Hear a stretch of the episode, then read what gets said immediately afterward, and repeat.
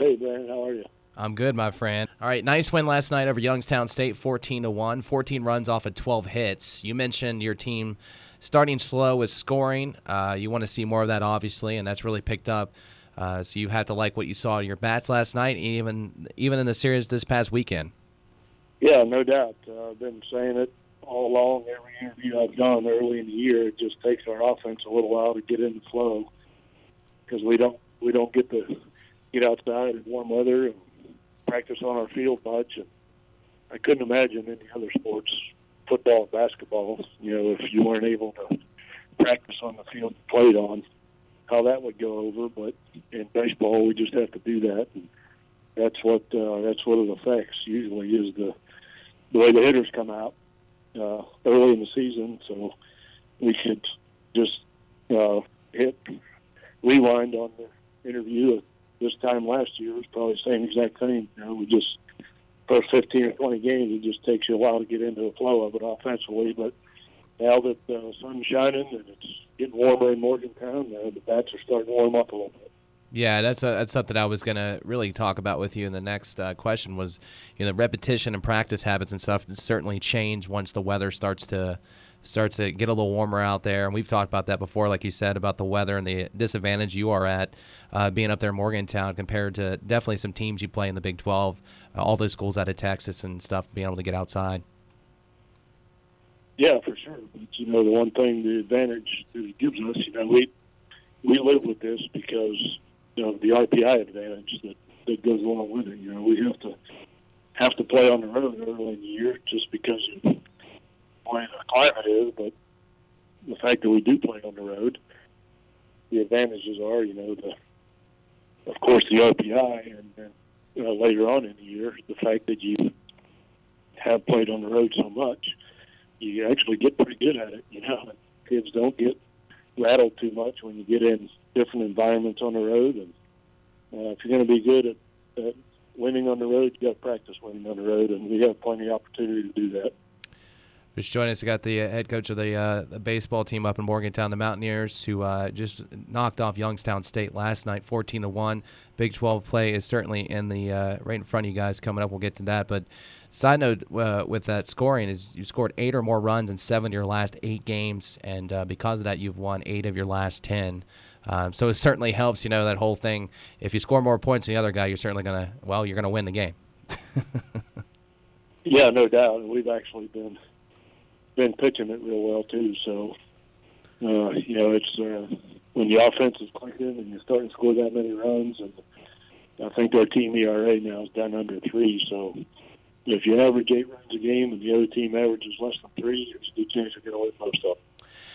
I want to ask you also, you know, you won that your 200th game there in Morgantown in that opener of the doubleheader against William and Mary. And uh, I just want to ask you, you know, obviously coaches don't really bask in things like that, but it's got to be kind of cool. I mean, obviously it's a cool number to get to, but seeing kind of the pro- progression of the program since you've been there and the time that you've put in and the recruiting and all that stuff, and seeing this program just continue to thrive has to be pretty cool for you to be a part of that. Yeah, no, and that's all I am. Is I'm just a part of it. That's not my deal at all. You know, I don't. When the game starts, you know, I don't. I don't get to play anymore, so I don't feel like I've won any of them. You know, but all of the players that have played here uh, in the last six or seven years with me, they're the ones that win the games. You know, I just I sit around and, and collect all the W's, but they're out there hitting and throwing and catching. So I don't. Uh, none of that credit goes to me. It goes to all the kids that we brought in here that are playing real hard, and you know we've we've had some success in the Big 12 that nobody expected. You know that first year when we joined the league, we were picked to finish dead last by every single person that had a vote.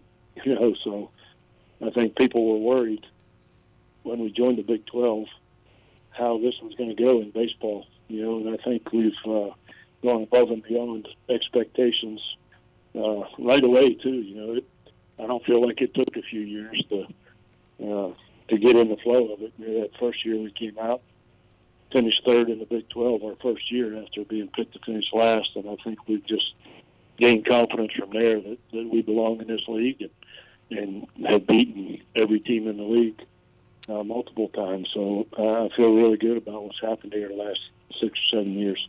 Join us here on the Brandon Lowe Show. Got Randy Mazey. We're talking some WVU baseball, and of course, they're getting ready to play, uh, well, Big 12 play at Waco, Texas. You got Baylor right there in front of you there, starting on Friday.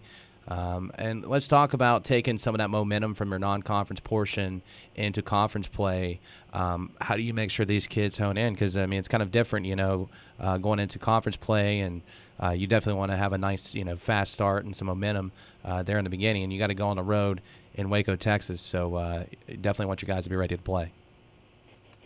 Yeah, I mean we got to go on the road against the best offensive team in the league. Probably, you know, they uh, bring everybody back from last year, the team that won the tournament, playing with a ton of confidence, and they're actually, you know, they they've had to turn over their pitching staff, but uh, they're right behind us in in pitching. I think they're third in the league in pitching, so they've got a bunch of guys that we don't know who they are pitching pretty well for them. So, you know, with their offense, they don't have to score a ton of runs, or they don't have to hold the other team to a ton of runs to win the game because those guys are older and more experienced and have been through the ringer. So it's, uh, I think we're possibly starting out with the toughest team we possibly could on the road. So uh, we're just going to get down there and play as hard as we can and see how we do. Of course, that's going to. Uh, you mentioned as pitchers, your bullpen, and, and your defense. You've been really happy with them lately. And I know before, uh, you know, we talked uh, early in January before anything really started going. Uh, you were talking about getting healthy, and you want to see a lot out of your pitching, uh, your pitchers there. And, and it seems like uh, they're really picking up as well. Your bats are good, but your pitching staff as well is is doing a great job. Yeah, you know that's what we really had to address this year.